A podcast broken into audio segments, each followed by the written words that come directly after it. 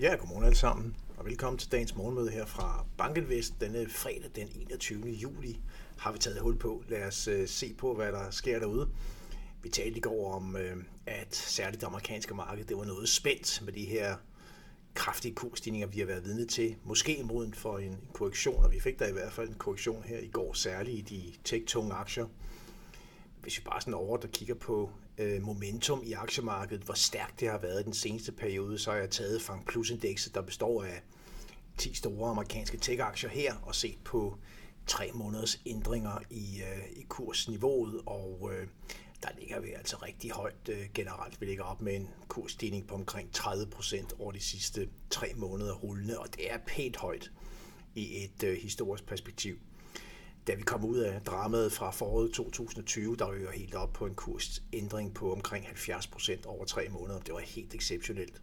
Så vi ligger jo højt på en sådan momentum, simpel momentum-indikator, og øh, ja, S&P 500 selv ligger og handler omkring en 11,5 procent over det 200 dages øh, glidende gennemsnit i øjeblikket, og det er jo også højt, hvis vi går rigtig langt tilbage her på grafen fra år 2000. Så er det ikke så mange gange, vi har været op på sådan et højt kursniveau relativt til 200 dages glidende gennemsnit. Så øh, måske ikke helt overraskende, så, så satte markedet sig lidt i, øh, i går. Vi er nede med 0,7 procent på S&P 500, og det, der også er interessant, det er, at det er virkelig højt flyvende, de højt flyvende sektorer her i år, der, øh, der får nogle stryg. Vi har øh, IT-sektoren nede med 2%, Communications 2,5% og Consumer Discretionary nede med 3,4%. IT-sektoren har jo blandt andet Apple og Microsoft Communications har Meta og Alphabet og øh, Consumer Discretionary i USA har Amazon og Tesla ikke mindst. Og øh, så de var altså nede ret pænt i, øh, i går. Ser vi sådan bare en graf over de her Fang Plus aktier, der er 10, der indgår i indekset, og vi har dem alle sammen med her på grafen på side 5, ja, så kan man tydeligt se, hvordan at øh, de, der har sprunget mest op år til dato, også er nogle af dem, der får mest øh, pryl her på det allerseneste går så vi blandt andet Tesla nede med knap øh, 10 procent, og vi har også Netflix nede med omkring en, en 9 procent i, uh, i går. Nvidia er også kommet pænt ned. Og vi ser også, hvordan at øh, tech-aktier uden for USA, de, de bliver presset ned i større eller mindre grad. For eksempel har vi Samsung ud af Sydkorea her til morgen nede med omkring 5 procent. Taiwan Semiconductor Manufacturing Company, verdens største chipproducent, er også pænt faldende, kom i øvrigt her i går med... Med øh, en øh, udmelding om, at de ser omsætning i 2023 en del lavere end tidligere forventet. Jeg tror, man nedjusterer med omkring en, en 10 procent på, og det er jo verdens største chipproducent her, og det vidner noget om, at øh, på det brede massemarked, der er der altså ikke den samme efterspørgsel efter en lang række varer, som indeholder mikrochips. Jo, vi ser selvfølgelig, at efterspørgselen og produktionen af øh, meget avancerede mikrochips, øh, der blandt andet kan, kan bruges i AI-sammenhæng, jævnfører også Nvidia, som er verdensførende på det her område, at der er efterspørgselen jo klart, klart stigende, og trenden vil være i den grad opad, men altså på det brede massemarked, der, øh, der er der bare ikke det samme momentum i øjeblikket.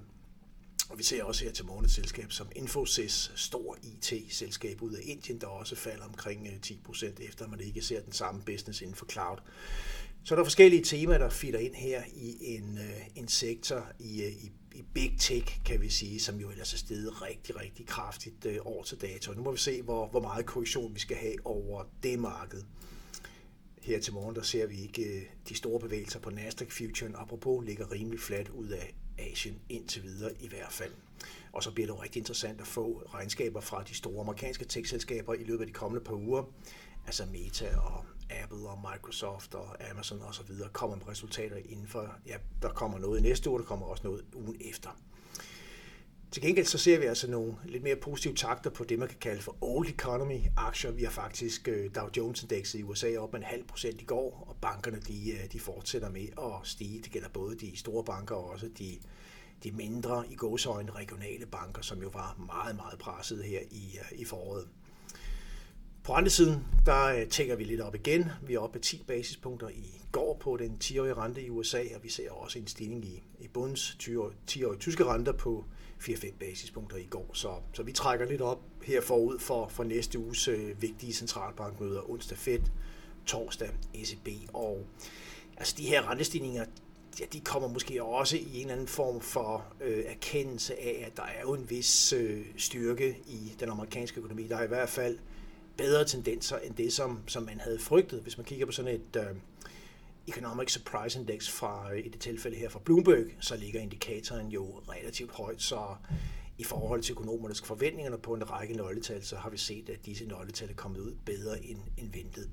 Det er jo ikke det samme som, at der er fuld blæs på den amerikanske økonomi. Øhm, faktisk, hvis man kigger på BNP-prognoserne her for øh, både tredje og fjerde kvartal, så ligger de næsten på nulpunktet. Nul for tredje kvartal, øh, quarter on quarter, og minus en halv for fjerde kvartal faktisk.